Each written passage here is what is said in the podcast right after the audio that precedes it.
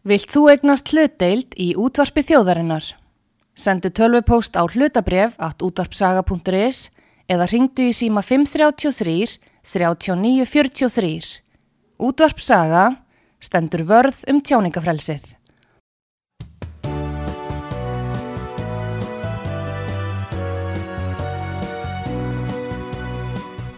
Sýteðis útvarpið á útvarpisögu í umsjón Arnþróðar Karlsdóttur.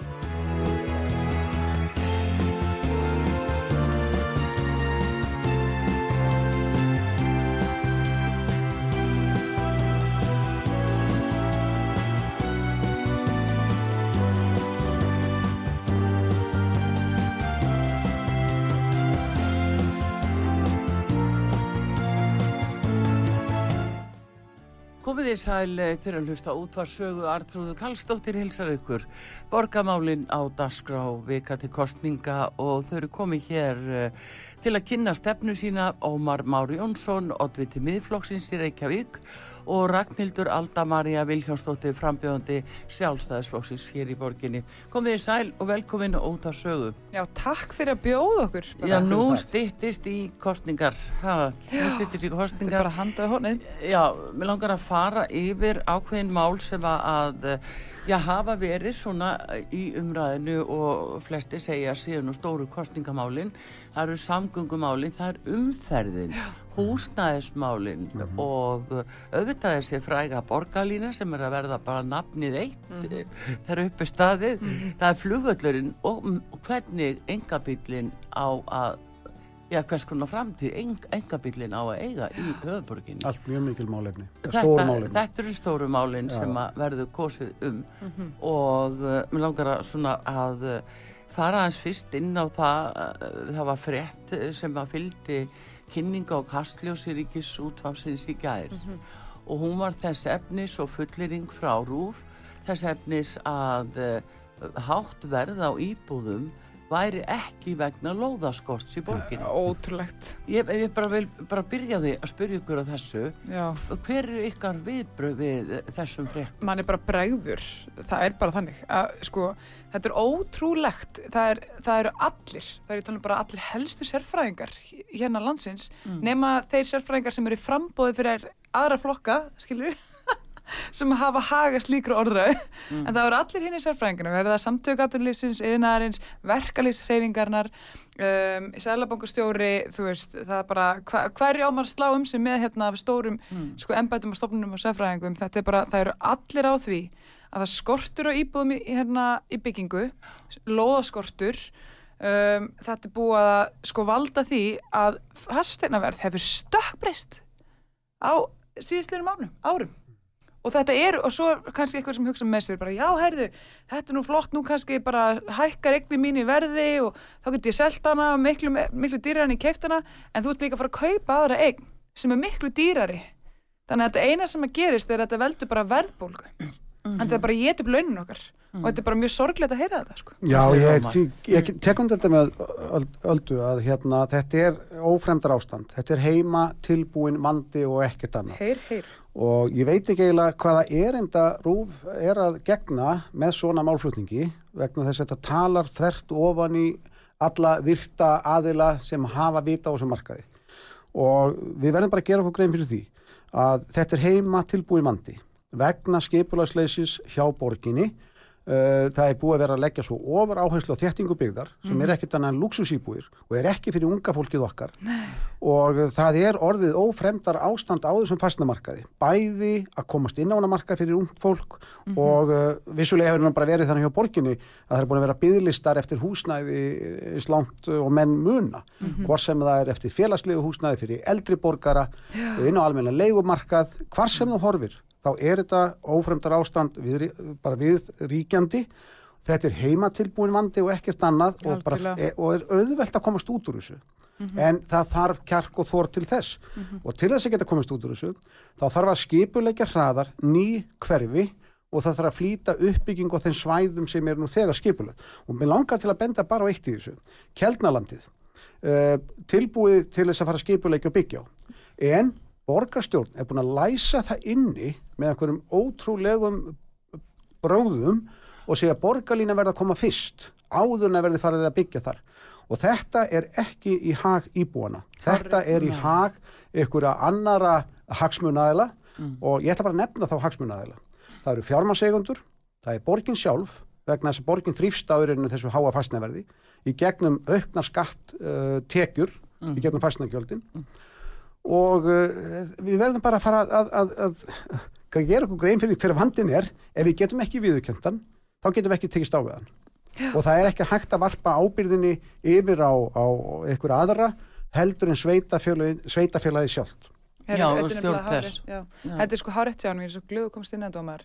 Við hérna höfum verið að tala fyrir því núna og það sem okkur langar að gera hjá sjálfstæðsflóknum er að við viljum bara sko hérna, aftengja hann kvata fyrir borgina að hækka fastana verð og þar leðandi fá herri, herri fastana skatta. Við viljum bara frista það. Þannig að sé ekki alltaf að hækka og hækka og hækka og hækka. Þetta verður bara vítarhingur, þetta leiði beint út í verð til okkar og ég meina, ég var að taka þetta saman með manninu mínu, við keiftum hérna íbúð, okkar fyrstu íbúð 2019 og við erum sem, sem betur fyrir núna með fasta vexti í tvö ári til viðbútar en, hérna, en við vorum að reikna bara hvað mun þessi verðbólka fara að kosta okkur og hún er að fara að hækka sko lánu okkar úr 200 skalli, síska, á mánuði en við notum hann að sérlega verið spennarnsleiðina og þannig náðu að lækka þetta upp í sko svona 260 Mm. skilja þetta munar ekkert smá fyrir fólk og Á þetta mánuði. á mánuði Já. á, hérna, þar alveg við þurfum við bara við þurfum að koma til móts við íbúið Reykjavíkur og þess vegna viljum við bara frista þessa hérna, fastnæðskata þannig að þetta sé ekki þessa endalösa hækkun á þeim og bara reyna þannig að mæta fólk Já, En nú er náttúrulega sko, bot, sko borgin í botlausum skuldum þannig að Já. þeir eru eflust erfitt með að frista eitthvað Jú. 400 miljardar í skuld Ég, ég, ég ég, veit að- ég, en- mér langar til þess að skoða eitt í þessu sambandi að þetta óframdar ástand er á fastnamarkaðinu Mm. og borgin hefur komið okkur í þessa stöðu og hún hefur ráð til þess að þessi staða að við erum að missa på okkur unga fólkið. Mhm. það, það, er fjölgun á börnum hérna í sveitafélagurum í kring um fækkar í Reykjavík. Það er bara staðurinn frá Hagstof Íslands. Það er annar hópur sem ég glimta minnast á sem er líka mjög uh, fyrirferðarmikill inn á leigumarkaðinu það eru fjármasegundur sem er að kaupa upp eignir í stórum stíl til að leigja út. Og þetta býr líka til aukin þrýsting. Og það eru þjóðir sem hafa eða þjóðborgir sem hafa tekið á þessum vanda með því að setja svo kallar leiguþak. Það myndi geta lagað þessa stöðu meðan við göngum í gegnum þessa, þetta óframdar ástand sem getur varið í fjögur til sex ári viðbót. Mhm. og leiguþak er bara mjög einfalt. Það er þannig að, að, að leigu íbúð má uh, miða við stærð staðsetningu.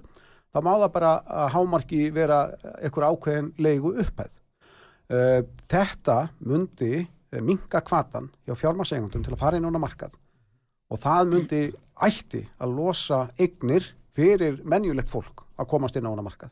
Þetta er víða notað í Evrópu, Danmörk notar þetta og, og þegar við búum við óeðlilegt ástand á fastnamarkaði þá þarf að nota verkvarinn sem sveitafjölu og stjórnbult hafa til að leiðrétta markaðin. Og síðan, náttúrulega til lengri tíma, að þá þarf bara borgin að vera með meiri fyrirhyggju. Það Hagstofa Íslands gefur út mannfjöldaspár til margra ára. Við vöknuðum ek ekkit morgun að það vanti allt í 4.000 íbúður og það sagði bara allir ups og það er engin ábyrgur. Það er aldrei það sem við erum að horfa á í dag. Já, Þetta er að, það er mitt sko, ef við fyrir fjögur ár uh, aftur í tíman og, og, og þegar uh, þessi, þessar kostninga voru að þá kom það einmitt frá borgarstjórunum uh, þúsundur íbúða sem að ætta að, að byggja núna á þessum síðustu fjórum árum. Einmitt. Hvar eru þær og hvað er þessi tregða til að útluta lóðum? Veistu, þetta er nefnilega, svo rétt hjá þér. Þetta er einfallega þannig að alltaf í kringu kostningar þá er lofað og lofað og það er komið einhver svakalegar yfirlýsingar og um leið og maður, og veistu, þetta er svo fárlegt við kjörnum fulltrúa þurfum að fara sko bara í einhverja hérna sko svakalega, setja ykkur stellinga bara til þess að leiðrétta bara rángfæslu sem eru fluttar að borgarstjóra og meira þetta borgarstjórnar. Þetta er alveg ótrúlegt en, en sko Mér finnst magnaðan skuli segja þetta vegna þess að samtök yðnaðarins hafa þurft vegna þess að hversu mikið upplýsinga óreiða var í, þegar það var að vera semst, í þessum tölum um sko, byggingar hérna sem er búið að skipulegja að byggja. Það var svo mikil upplýsinga óreiða og þetta var bara komið í sem mikla vittleysu að þau fóru sjálf þessi samtök að bara te- raun telja fjölda bygginga í íbúða, nei, fjölda íbúða í byggingu og þau komast bara því að það bara að þetta er bara búið að vera sko sögulega hægt Mm. sögulega hæg uppbygging og magnaði við þetta líka er að það er leiðin en á sama tíma og allir þessir aðilar er að reyna að benda á bara halló við þurfum að byggja hraðar og meira og þið þurfum að, þið þurfum að sko einmitt, fara að leifa fólki að byggja sjálft og þið þurfum að fara þú veist, að gera auðveldara fyrir fólka og fyrirtæki að, að koma til móts við vandan og reyna að leysa hann og, og þið þurfum að, að, hérna, að fara að gera eitthvað eins og bara þannig að fólk þurfi ekki að býða kannski í heilt ár til að fá sko leifi til að breyta sölunum sínum mm -hmm. skiljum við, hjá skiplarsviði Já, það er svo dýr, dýrt að býða. Já, þetta bara, og þetta er ótrúlegt og það, að, og, það bara gerist ekki neitt. Og svo kemur þetta alltaf þessi sömu yflýsingar að við hefum aldrei verið að skipulegja fleiri hverfi, við hefum aldrei gert meira. En máli reykvíkingar þú veist, þetta er bara sko ég held að fólk hlusti á þessar yfirlýsingar og það er bara, ert að grínast en þess að við finnum þetta alveg sem búum inn í þessari borg á okkar einn skinni. Já. það er bara að vera að hafa okkur fýblum Ég langar líka til að nálgast þetta út frá öðru sjónahorti að það er náttúrulega vandraðagangurinn fjárastlegi í borginni er alveg svakalegur. Mm. og uh, það var 30 miljardar krónatap af aðhluta uh, veldu fyrir frá reksti var bara nálist í núlinu þegar veldu fyrir frá reksti er nálist í núlinu þá þýr það að borgin þarf að taka lán til að borga af skuldir sínar og afborganir. Hins vegar er þetta einn besta staðan sem borgin getur verið í og sem er alveg skerfileg vegna þess að ef, að, ef að þessi fastina bóla sem við sáum, ekki, sáum hérna á síðust ári ef að hún hefði ekki komið til þá hefði tapið ekki verið 3 miljardar það hefði verið 10 miljardar einmitt, þannig að sko ef að borgin er fann að nærast á þessu þá, og, og hvatin hennar er bara að halda þessu ástandi því að ég er ekki að sjá að hún vilji leysa vandan Já. Að, að þá erum við bara að horfa á þetta áfram og það getur við sem bara ábyrgt samfélag við getum ekki sætt okkur við þetta Mhm. við, við verðum að búa til kvata fyrir börnin okkar og eða, eða, ungar fjölskyldur að búa hér Einmitt. Mm. En einmitt vegna þess að við vorum að tala um þetta með að frista fastanskattana til þess að reyna að minka bara fjárhásett álaga fólki í borginni og hvort að maður hefði efnaði. Þá er eitt í þessu sko sem er það að við höfum eða ekki efnaði að gera ekki neitt. Þannig að það- er bara rétt eins og búin að koma inn á, Ómar, að, fólk, ungar fjölskyldur eru að flýja önnur sveitafjölög. Ég meina fólk er að láta sig hafa það að keira klukkutíma á dag í vinnuna. Um, við erum ekki miljóna borg, við erum ennþá bara 200 140.000 140.000 í Reykjavík einmitt. Og hérna og það er ótrúlegt að við sem eiga við vanda sem er ásko við marg, borgir sem er sko með margar já. Þetta er, þetta er bara það að við sem komin í þessa stöðu það er nefnilega þetta, mér finnst svo alltaf finnst að segja frá þessu, fyrir utan svona 2-3 ár það hefur sjálfstæðsflokkurinn ekki verið í, hérna, til áhrifja í borginni sem sagt, að verið við stjórnvölinn sko síðan 96 þannig miklaðir leikskólar þú veist, og skólar engin, hérna, engin leikskólaplás um, þessi le bara húsnæðisvandi það að hér sé sko bara ríkut um allar götur sem þú serð bara sveiflast um í loftinu vegna þess að borgin neytar að þrýfa oftar en tvisar maks þrísar mm. ári. Þú veist, þetta er bara allt ákverðun samfélkingarinnar, vinstigræna pírata og viðreisnar og svo koma þau sem er flokkar og eru bara hérna alltaf að reyna að tala um eitthvað allt annað en borgarmálin. Vegna þess sem leiðum að fyrir að beina aðteglina borgarmálunum þá er þessi flokkar bara löngum búin að tapa. Já, ég held að þeir, hafa bara feila á þessu prófi en, en, en þeir bara alltaf afstýra umræðinu sko. Við verðum að vera sangjörn meir hlutin hefur gert ákveðna hluti góða og það hefur verið sérstaklega ábyrjandi eftir að COVID lög þeir hafa haldið góð parti og haldið góð, góða glærukynningar Já, já. En það samt sko, uh, menna COVID þá settuður bara neyðarstjórn á borgina þannig að borgarstjórn í raun og veru kom ekki að neinu. Nei. Það var, það var svona einræðist, einræðist Já. uh, svo fyrirkomur. svo fyndið þeir voru að sníkja peninga ríkinu sko, þannig að það voru svo mikið tap í COVID svo hafði það aldrei tekjuháir í COVID og nú er alltaf komið til plus og það er nú ekki svo langt síðan að það var átti sko að fara að sækja um sérstaklega neyðastyrk sko, frá ríkinu út af COVID Já, þeir eru með neyðarstjórnum. það bara fer ekki Já. fram sko, það sko fer ekki saman hljóð og mynd Já. þegar þau tala um sín mál hana Já, það, það er eitt líka það sem aldrei var að tala um á þannig var þetta fastangjöldin Já, við berum okkur saman bara við þjóðir okkar hérna í kring að uh, til dæmis í Danmörku þar hafa fasteinagjöld uh, síðan 20 ár hækkað 1% umfram uh, verðlagsbreytingar Mhm. Og það er eðlilegu markaður. Það, er, það er svona stöðuleikja það markaði. Við búum í svona auka umhverfi uh, manngerðu mannlegum uh, ástæðum er það þannig. Og við þurfum bara að búa, við þurfum að, og miðflokkurinn vil stefna því að vera með meiri stöðuleika og vil stefna því að vera með meiri kvanta fyrir ung fólk að setja stað, eða sko að, að velja Reykjavík sem staðin og ég geti sagt þér eitt, eða ykkur, það er ótrúlegt að hafa verið sveitastjóri út á landi í 12 ár, Súðakurheppi þar var ég í því verkefni að fjölga börnum á leikskóla, fjölga börnum í grunnskóla og uh, á þeim tímabili, á því tímabili sem við þar þá gerðum við fyrst sveitafélag á landinu leikskólan gjaldfrjóðsan. Við vildum búið til kvata fyrir ungar fjölskyldur að setjast að í Súðæk og það heldur betur gekk vel. Við vorum með hálf tóman leikskóla og hann var eiginlega fullur mjög stuttu eftir að við settum þetta á. Já. Hér er ég í Reykjavík, höfuborg landsins og það er nákvæmlega sami vandin. Okkur vantar börn, okkur vantar yngri kynsluðana sem á að taka við af okkur. Já, en samt er alltaf að tala um að vanti starfsmenn inn á leikskólan. Við, við erum, þetta er svo klesjukent, við erum búin að vera í, í við, erum að, við erum búin að vera með byðlist á leikskóla í 20 ár. En, en ef við skoðum bara, að því að mér þykir vænt um Hagstofu Íslands, mér þykir það rosalega merkileg stofnun vegna þess að það er svo auðvelt að grípa upplýsingar og bara staðrendir. Þá, er, þá erum við ekki að láta plata okkur með einhverjum frösum.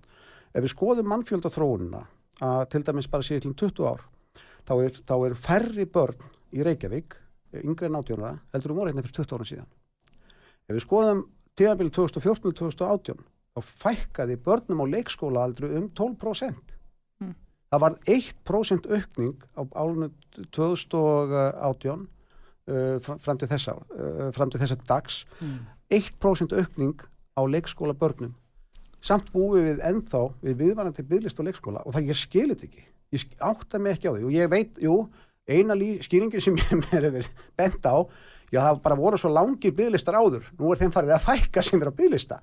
Og ég meina, hverslands ástand og hvernig borgin á að vera þjónustuborg, hún á að, að gæta hagsmunum íbúana. Ég held að hún hefði bara skrensa út í skurð, hún er först þar og hún verður að fara að koma sér upp úr þessum skurði Já. og fara að setja íbúana í fyrsta sinn. En að líka, ef ég segja svolítið Ómar, svolítið merkilegt. Núna hérna ber ég barn undir belti, þannig að ég, Já, þannig að ég hef um tak, já. Þannig að þetta er ekki bara, þetta er ekki bara þessi hambúrgarar sko, þessi frelsisborgarar. Nei, hérna, en sem sagt, numlega, ég vil ánum að komast inn á þetta, vegna þess að fyrir 12 árum þá bar ég síðast barn undir belti. Og þá var ég tvítu og ég var að, hérna, var að fara að hefja nám og, og svona og, og leiti kringum mig og var hérna bara, herru, ég þarf að finna með dagmömmu og, þá var sko borgin að auðlýsa nú að þau ætlu sko að fara úr þessu dagfóraldrakerfi og það var svo slæmt, tók svo framvegis og þau ætla að fara yfir í hérna leikskóla, sem sagt ungbarna leikskóla. Þetta var fyrir 12 árum. Það var rosa mikið verið að tala um þetta. Svo núna, ég býð ennþá í sama hverfi, þá fer ég að skoða sem sagt bara, já, já, ok, hvað eru dagfóraldrinu núna og hvaða leikskóla eru núna?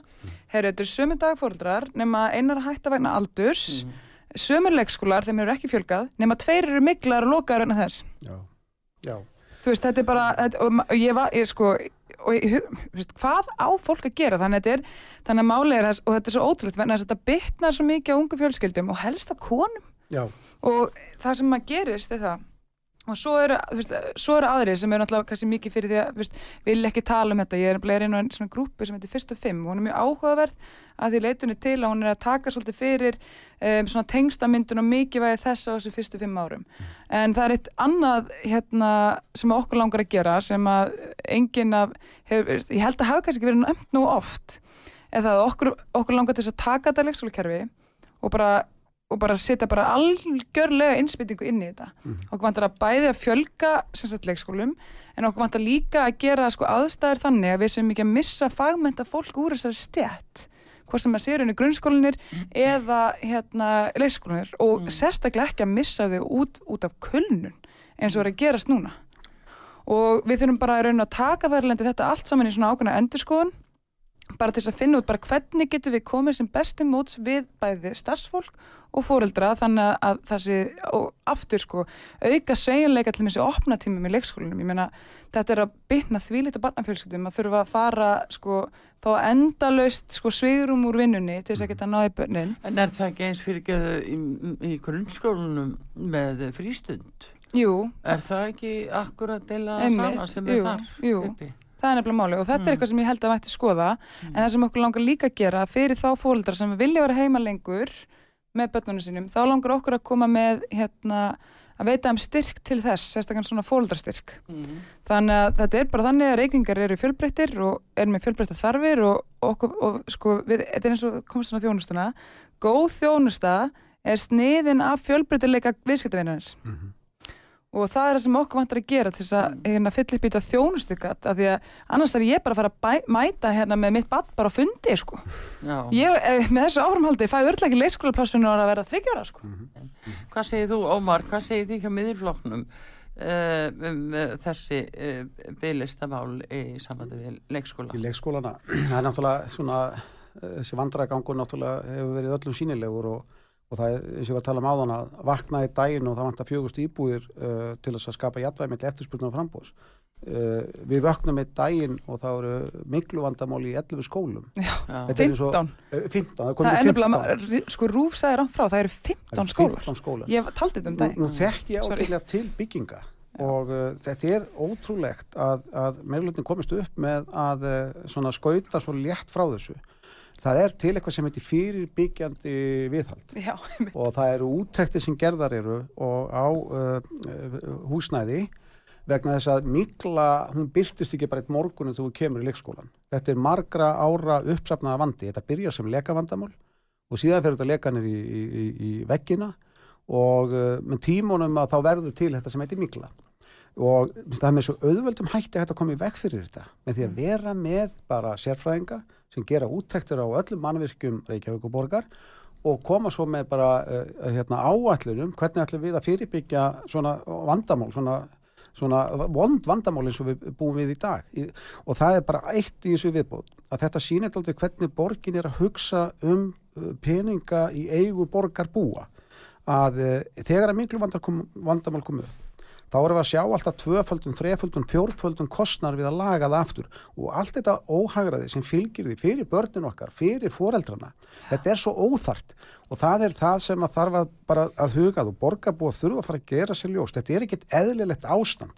Og það sem ég hef fundið hjá svo mörgum hópum að það er svo mikil þreita mér finnst fólk eiginlega bara að búið að gefast upp að það sé bara orðið eðlilegt ástand að þjónusta borgarna sé með þessum hætti sem hún er já hún er alltaf mælist lægst hér. já, mælist Bara lægst ánægja íbúið með borgar, Ég- borg, þjónustan er ég- lægst. Já, ég eitti heilu kvöldi í að skoða þjónustukannana sem borgin hafði gert með borgarbúa.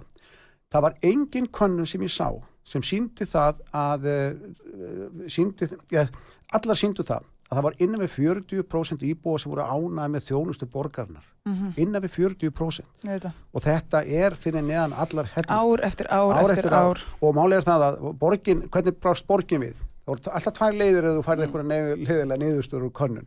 Þú getur annarkvært sagt, hei, nú brettum við bermarnar og gerum betur og sinnum íbúunum betur. Þú getur líka sagt, heyrðu, þetta er leiðilega kannanir og það er ekkert að markita og við bara hættum þessu. 2019, þá bara hættu þeir að gera kannanir meðal borgarbúa því þetta voru svo leiðilega niðurstöður.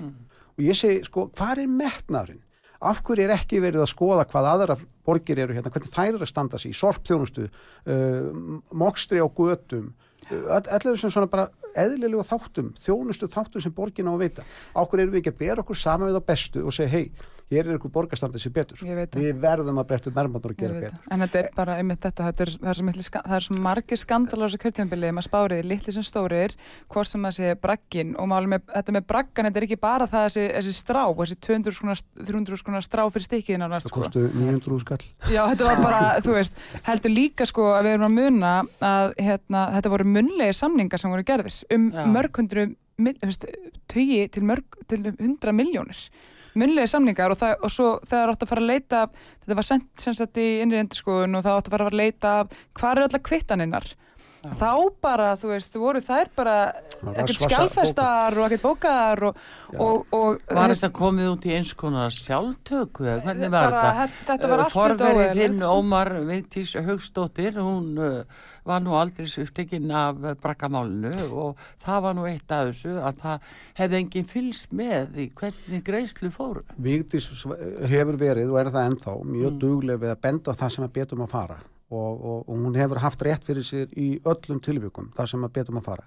Málega er það að braggin er bara eitt lítið dæmi hann átti að kosta 156 miljónir hann endar í halvum miljardi Þetta er bara rétt um Mm. til þér menna og, og ég bara er staðfastur í því. Þetta er bara svo gróft. já, ég er staðfastur í því að innan borgarinnar er að finna fullt af svona verkefnum það sem er ekkit eftirlit með og það er algjör óráð síja.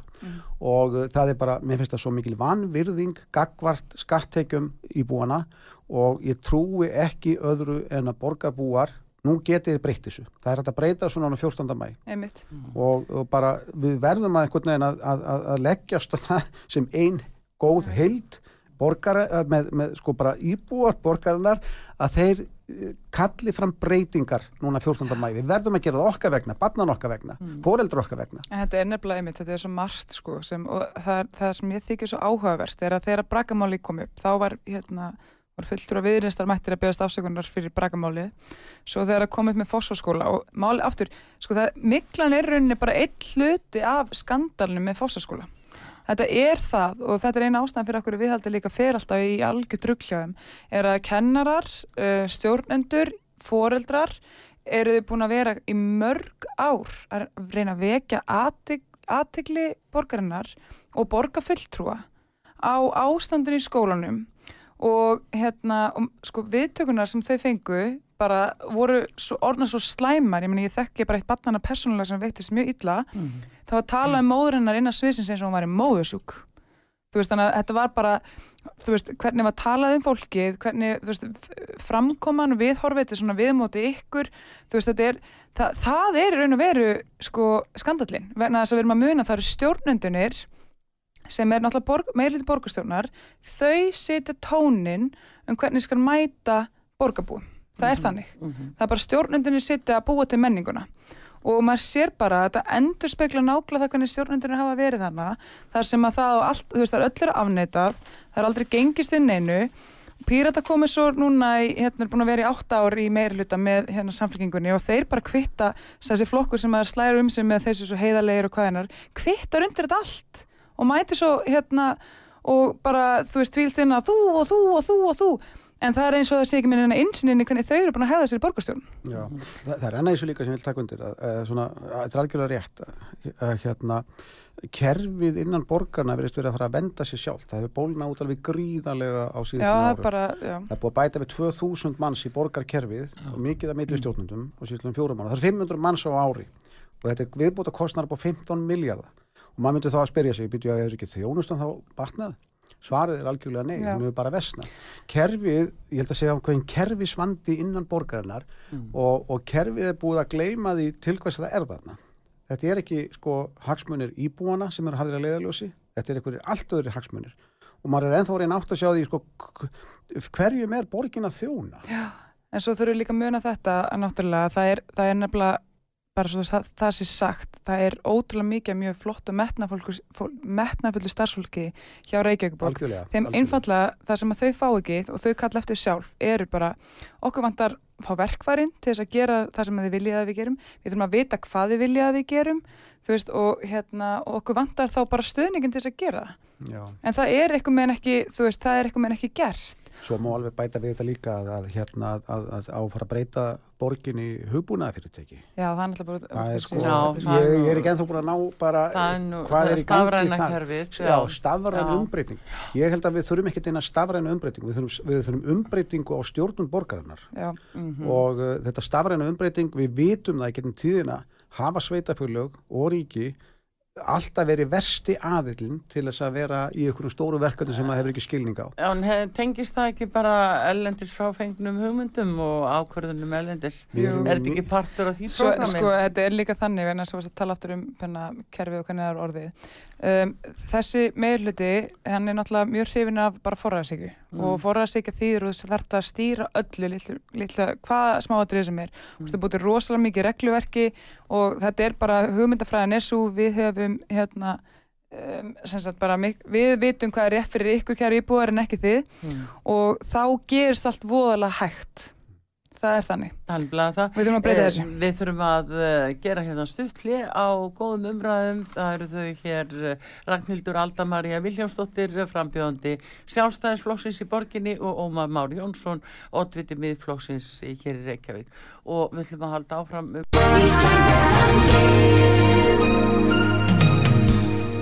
Styrtareikningur útvarpsögu í Íslandsbanka á Granda. Útubú 513, höfubók 26, Reykningur 2.11.11. Nánari upplýsingar á útvarpsaga.is. Takk fyrir stöðningin. Ræðinu hér og eftir, eftir ölsingar.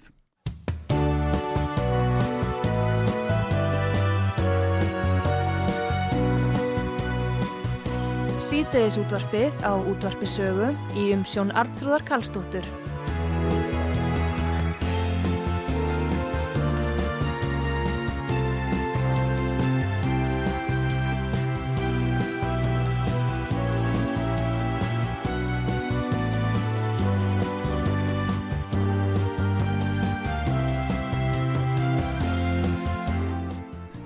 Kom þið sæl aftur til að hlusta út að sögu. Borgarmálinn hér á Dasgrá, uh, góði fulltrúar hér. Uh, það er Ómar Már Jónsson, oddviti miðflokksins í Reykjavík og Ragnhildur Alda-Maria Viljánsdóttir frambjóðandi sjálfstæðisflokksins í borginni. Og það komið að uh, samgöngumálunum.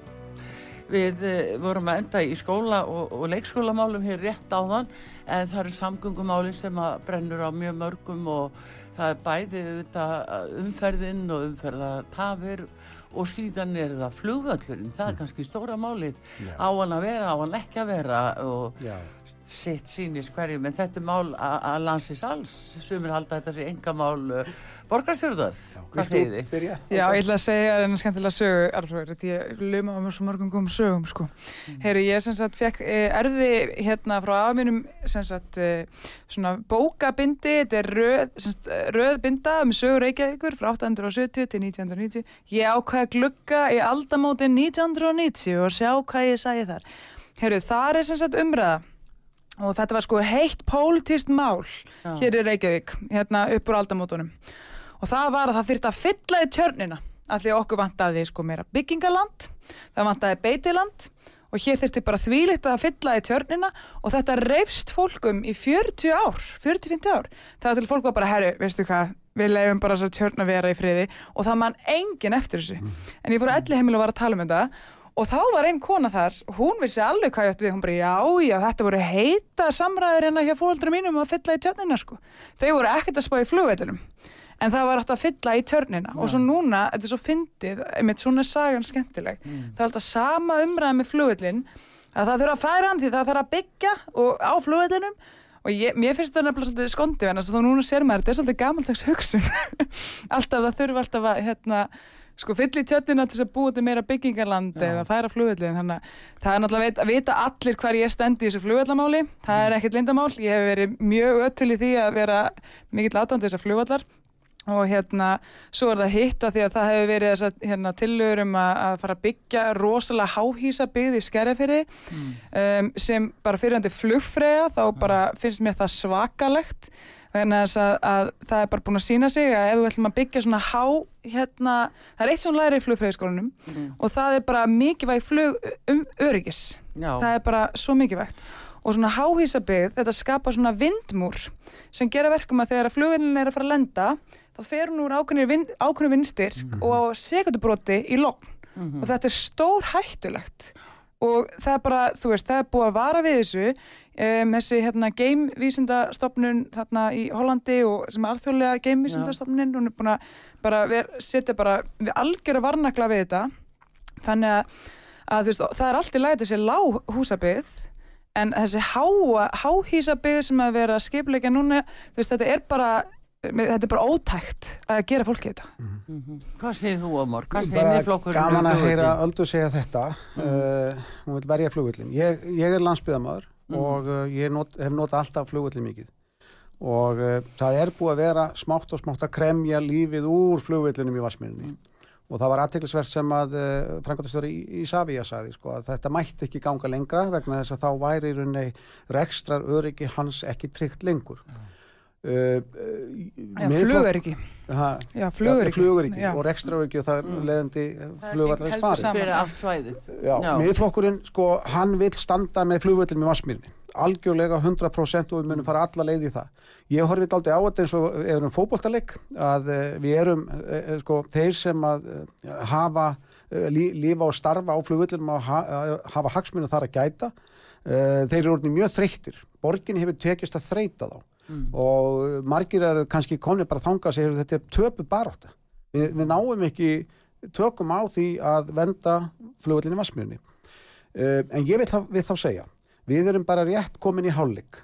Við erum undir í hálfleik mm. en leikurinn er ekki búinn. Og þetta kjörtjambil núna sem er að fara hefjast í júni þar getum við breytt þessari þróun. Þar getum við stöðvað frekari uppbyggingu í skerjafyrði vegna þess að það er nú þegar búið að þrengja svo mikið á að neyðabrautinni farin og þetta er alveg eins og alltaf sáðan mm. það er búið að vera skerða rekstraöryggi og flugöryggi hans uh, til margra ára. Og ég vil standa að verðum það. En uh, ég vil líka koma inn á það sem Alda segir að, að ég er svo sammálinni eins og hún var að segja þetta sem hún var flugfræði og þekkir þetta. Mm. en uh, að greiða atkvæði til sjálfstæðisflokksins uh, ég hef ekki mikla trú á því að það muni hjálpa vegna þess að oddviti flokksins hefur talað í hináttina bara í viðtali síðast í gær segir hún já ég er samþykk því að það verður bara haldið áfram að byggja upp í skerjafröðunum það vitað allir að það skerðir fluguriki og rekstrauriki mm. þannig að miðflokkurinn ég bara horfa á miðflokkinu, þetta komum fram í bílus og lífstil þegar við vorum bara spurðað þessu Gísla Martini já. allir flokkar eru bara að segja já eða nei mm. það var ekki tægt að segja bæði já og nei mm. Eh, nema, jú, jú, við svolítið gerðið framsóta en, en við sveðum eitt flokka uh, við viljum að flugvöldurinn verði í vassmyrinu áfram Mm -hmm. Ég skal útskriða þetta. Mm. Þetta var hann bara svolítið fyndið með Gísla Martin. Hann, hann Gísli, hann sæði við hérna frambjóðundur ef að flugvöldunum væri farin úr Vassmýri myndur vilja byggja þar mm. þess að ef hann væri farin og þá hérna kom alveg fáta fólk og það bara betur hvað með, þú veist þess að þá sem að bara alltaf hafa hann hana þar til annar staðar finnst sko, þar með talið ég held að sé bæði fram svona sástaflokkun eða hún sem sagt tildur og, og hérna þá var þau bara betur já ég menna ef hann er farin og jú kannski maður myndi byggja þar sko og eitthvað svona og svöruði þannig. En hann Ómar þarf ekki að hafa neinar áhyggjur vegna þess að ég er í frambóði og ég get lofa Ómari að, hérna, og kjósundum að ef þeir ljá mér hérna, atkvæðið sitt þá skal ég svo sannarlega leggja algjörlega mitt af óaskallar í að passa upp á flúetinn og, og eins og ég segi við sko, og það sem við erum öll samanlega um í hérna, sástæðsfloknum og í frambúðinu er það að, að það er alltaf lægið að sé eitthvað lághúsabíð í raun og veru vantar okkur fleiri fjölbreytt hús eins og svona parhús og einbíli um, það er alveg eitthvað sem að Ísafja hefur alveg gefið græntljósa og er alveg samum en það er bara þessi fjölbílabíð það gengur bara ekki upp Nei, en það er einmitt, sko, að við verum að tala um ákveðin öryggismál.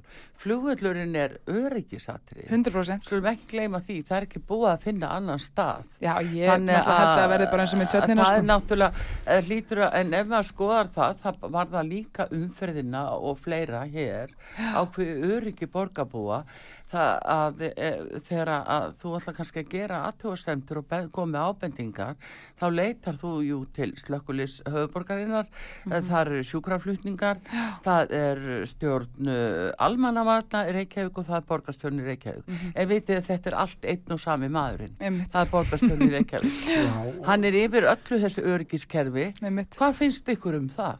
Sko, sko ef ég má hérna, þetta er rétt hjá þér, þetta sjúkraflugi, kennsluflug, áallunarflug og uh, þetta er uh, það er eitt sem að mér finnst alltaf aðtökli, mér finnst þú gaman að skoða í rauninni hvernig stjórnkerfi uh, fyrirtækja eða, eða sveitafélag eru.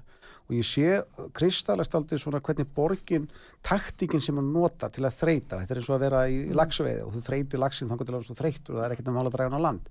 Uh, borgin er að búið að takast en eins og ég segi, það er bara hálfleikur borgin er búin að takast að þreita þá sem að hafa, sko, lifa og starfa á flugvillum. Þarna, þetta er stór vinnustöður, þetta er 200 manna vinnustöður.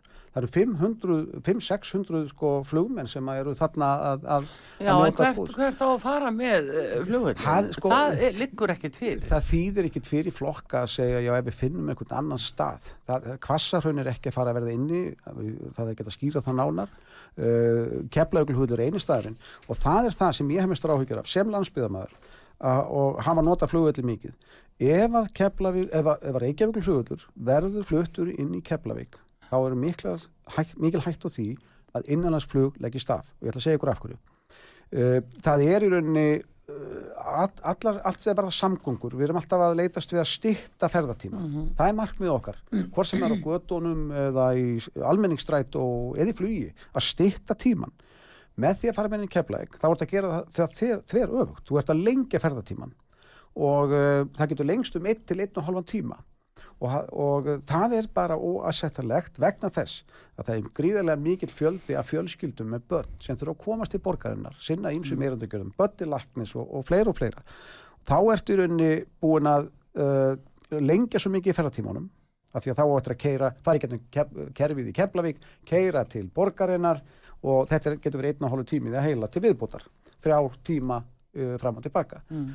Ég segi það að það hefur smátt og smátt verið að fækka í innlandsfluginu hjá okkur af því að fargjöldin hafa hækkað.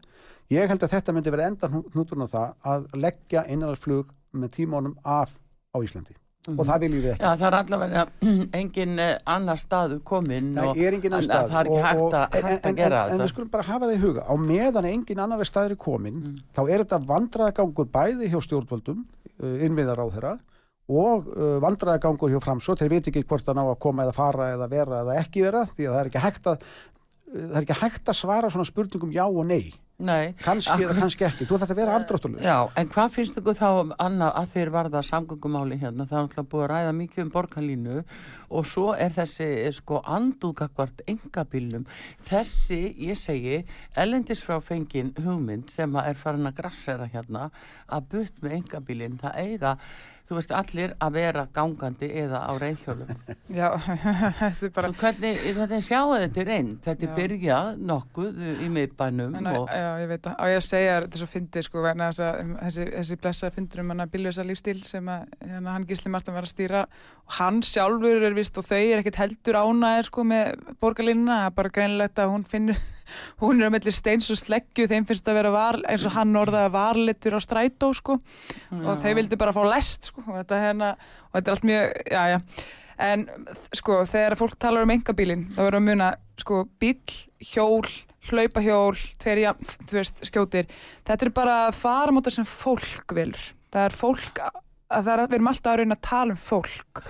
Og sko, þannig að þegar að, þeir sem að eru, sko, hvað öfga kendastir í orðræðu sinni móti hérna engabílnum og gerum þetta mannvænu, hérna, sko, götum, þú veist, þá er maður bara að byrja mannvæn fyrir hvern?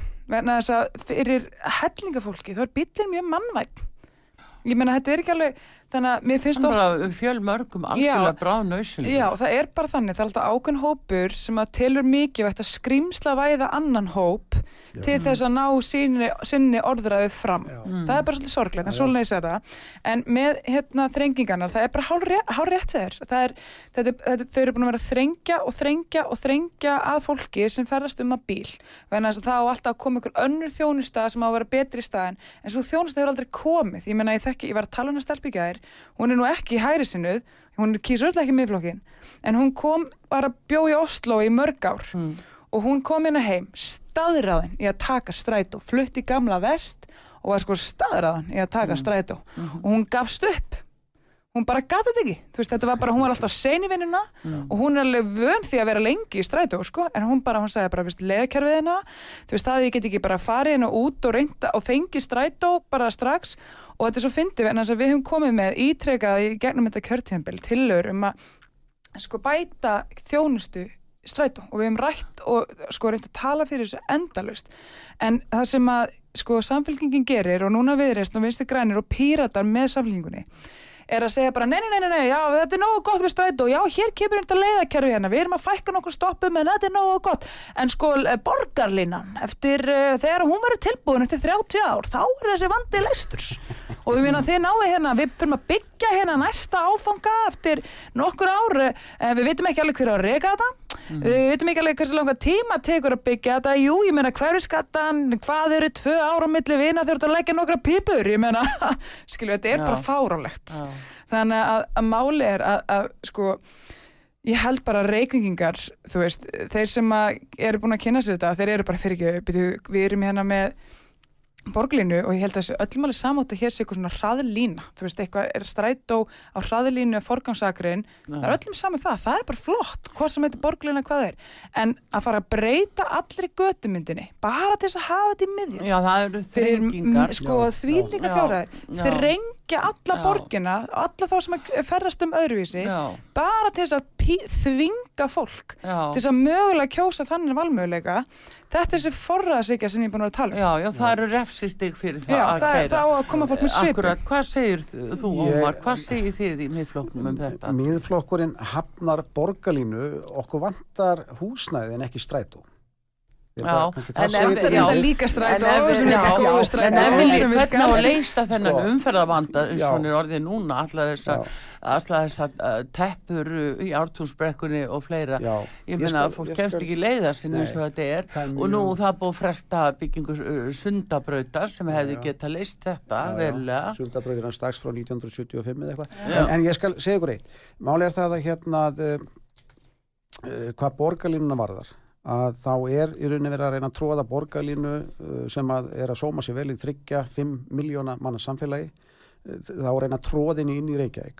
Og, og ég var að tala hérna um áðan um í rauninni að þreita nógu mikið ákveðna hópa eins og við kakast flugvellinum. Nákvæmlega sama er verið að gera núna til að tróða borgarlínu inn í borgina. Þá að þreita bíla eigendur og hvernig er það gert? Taka bílastæðin í burtu, þrengja gödurnar, Já. allt til þess er að búið að vera Já, og það er bara kerfisbundi verið að því og ég held að sko íbúar, hafa þeir verið spurður að eitthvað til vilja þetta? Nei. Það var gerður samgöngusáttmáli hérna 2019 í september, Mm. milli borgarinnar og ríkisins. Hvað var, hvað var að megin þungin fannst mér í þeim samgöngusáttmála? Það var að auka, uh, uh, hvað maður segja, auka umferðaröryggi og auka flæði í umferðinni. Já. Minka tafatíma. Tafitími er metin að virtum hagfræðingur 56 miljardar hér á ári. Mhm. væri við betur, við myndum ekki frekar vilja nota peningin í annað. Mhm. Við erum eitt elsta ljósa stýringarkerfi í heimi. Mhm. Það eru 20 ár frá því að var hægt að nota þetta í Evrópu. Við erum ára auðu ljósi okkur í einustur auðu ljósi. Gangandi umferð er með sko forgang Þú veist þessi sammál mér með snjalljósastýringarna líka Já, við erum alveg sérst með mér á þeirri le- lest já, sko Já, eru þið Ég- samanla sjálfstæðisflokkur og miðflokkur í því Eina sem, ég, stu, ég er búin að komast að því núna það sem að Ómar og ég erum helst ósamlum er örglægt að leiguþakk Já, það er eiginlega, það er hérna að því að sko, þú veist að, að það sem að, það er eiginlega, sko, aftur, það er svo, eins og ég var að segja, maður þarf að vanda sér svo mikið um leið og þú ætlar að fara að koma með eitthvað svona eina aðgerð til þess að stoppa einhvern ákveðn hóp innan samfélagsins, það hefur bara, þú veist, þegar það ert með fastinamarkað sem er svona ótrúlega miklu ójafægi, Mm. þá, þá bara ítur undir svartamarkað og í raun og veru þá þurfum við að búa til, við þurfum bara að gera pláss fyrir alla og við eigum bara að vera að byggja betur og meira og fjölbreyttara og við eigum bara að lefa fólki að byggja sjálft líka því fólk er rosa fljótt að byggja sín einn hús, skal ég segja ykkur. En hérna, þannig að ég held að leigu það ekki skilulega kána við, en það sem ég hrættum er að muni gerast, er nokkuð menn eins og hefur gerst bæði í Skandinavíu og hérna við það er að en það er alltaf ykkur sem að þú veist græðir, reynir að græða ykkur staðar. Mm. og þannig að það, var, það er þá þannig að þessir einstaklingar sem að kannski leiða sér íbúið það ekki, svo framleiða þeir hana á að herra verði til einhvers annars en hafkerfi já, en, en sá einstaklingur er þá ekki með sömu réttindi Nei, og hinn, við.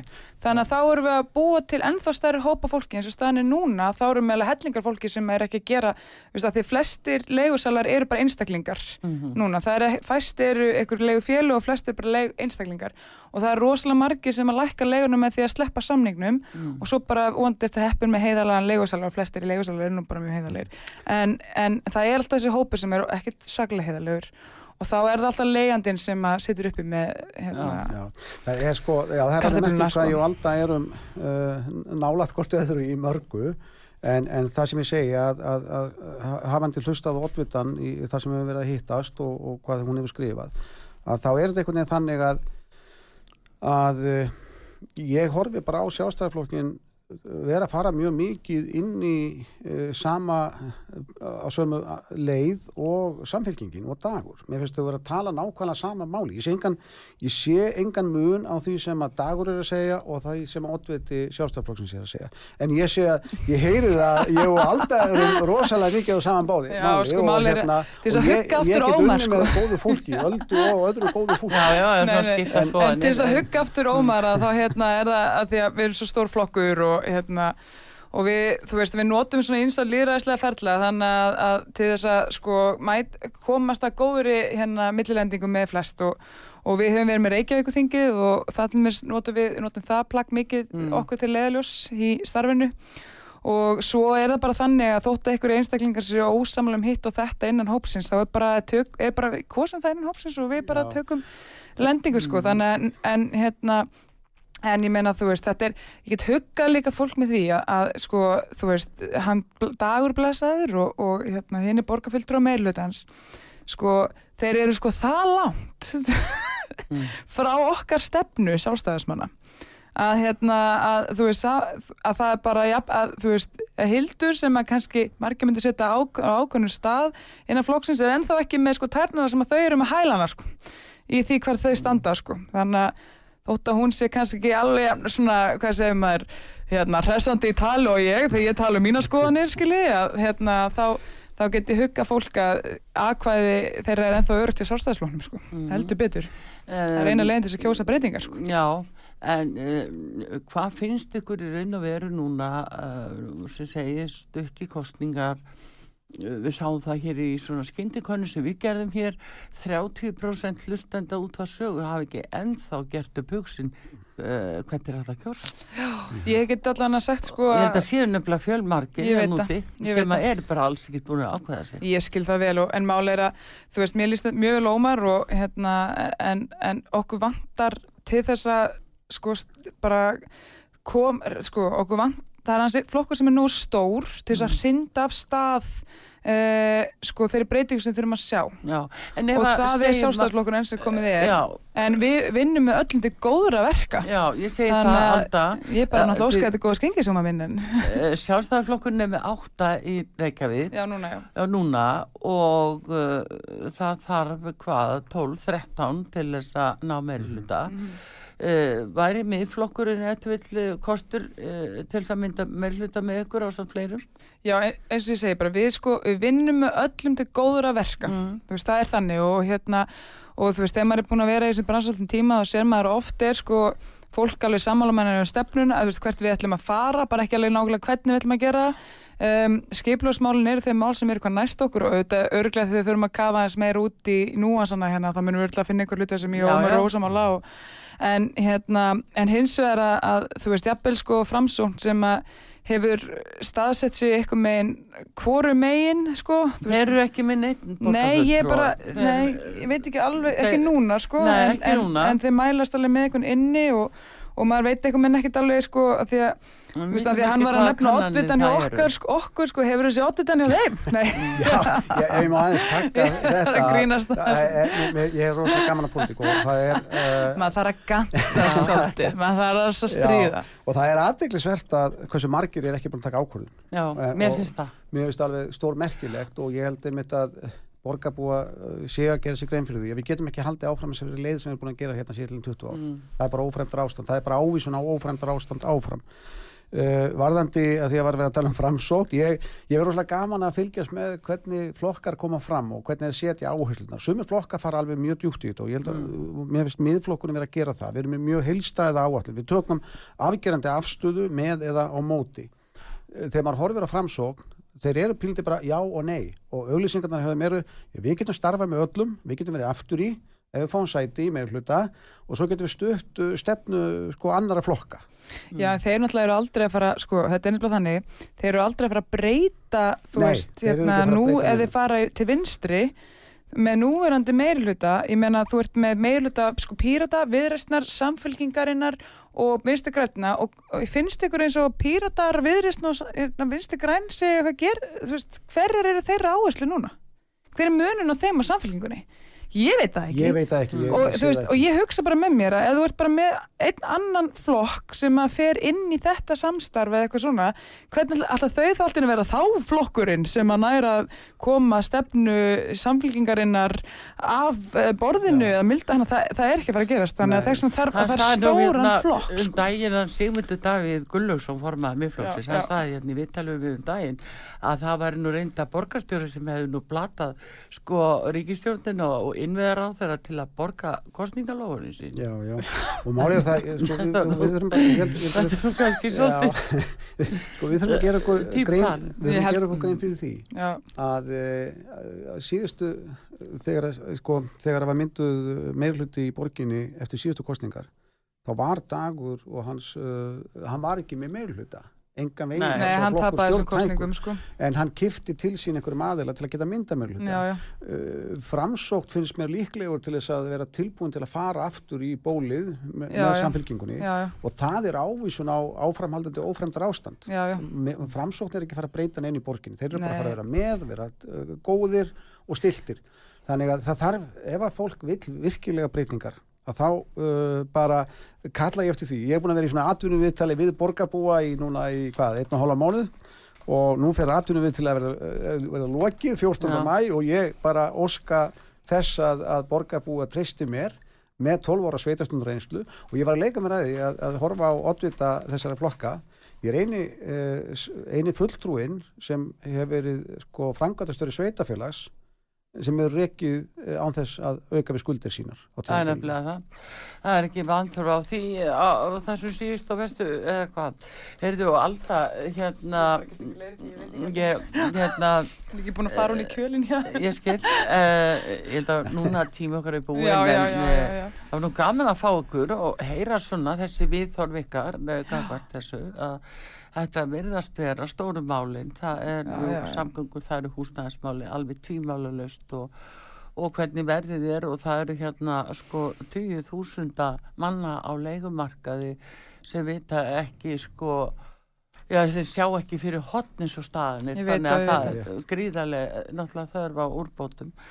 Hvernig sem allt fer, en við höldum áfram hér á útarpi sögu í næstu viku að tala við frambjóðundur og kynna stefnu þeirra og sjáum hvað hvað verður ofan á þegar að þessu öllu yfir líkur bestu þakki fyrir komuna Já, bara Takk fyrir að taka á- hjertanstakir Már og hérna hjertanstakir og ég kannski bara vegna þess að hann fekk svo góð lokord og bæti nú við að hérna að sko ef við viljum Reykjavík sem virkar þá er sjálfstæðaslokkurinn hérna fremstur hérna í þeirri línu að koma því í verk sko. Af því að hann Ómar fekk svo flott lokord ég var eða aðeins að tróða mér að Já, já, skemmtilegt. já, þetta var skemmtilegt. uh, uh, Ragnhildur Alda Marja Viljánsdóttir uh, frambjóðandi sjálfstæðarflóksins í borginni og Óma Már Jónsson oddviti miðflóksins bestu þakki fyrir komuna. Yngaða út af sögu Artrúðu Kallstóttir þakka fyrir sig og tæknum maður í útsendingunni Ómar Jónsson veriði sæl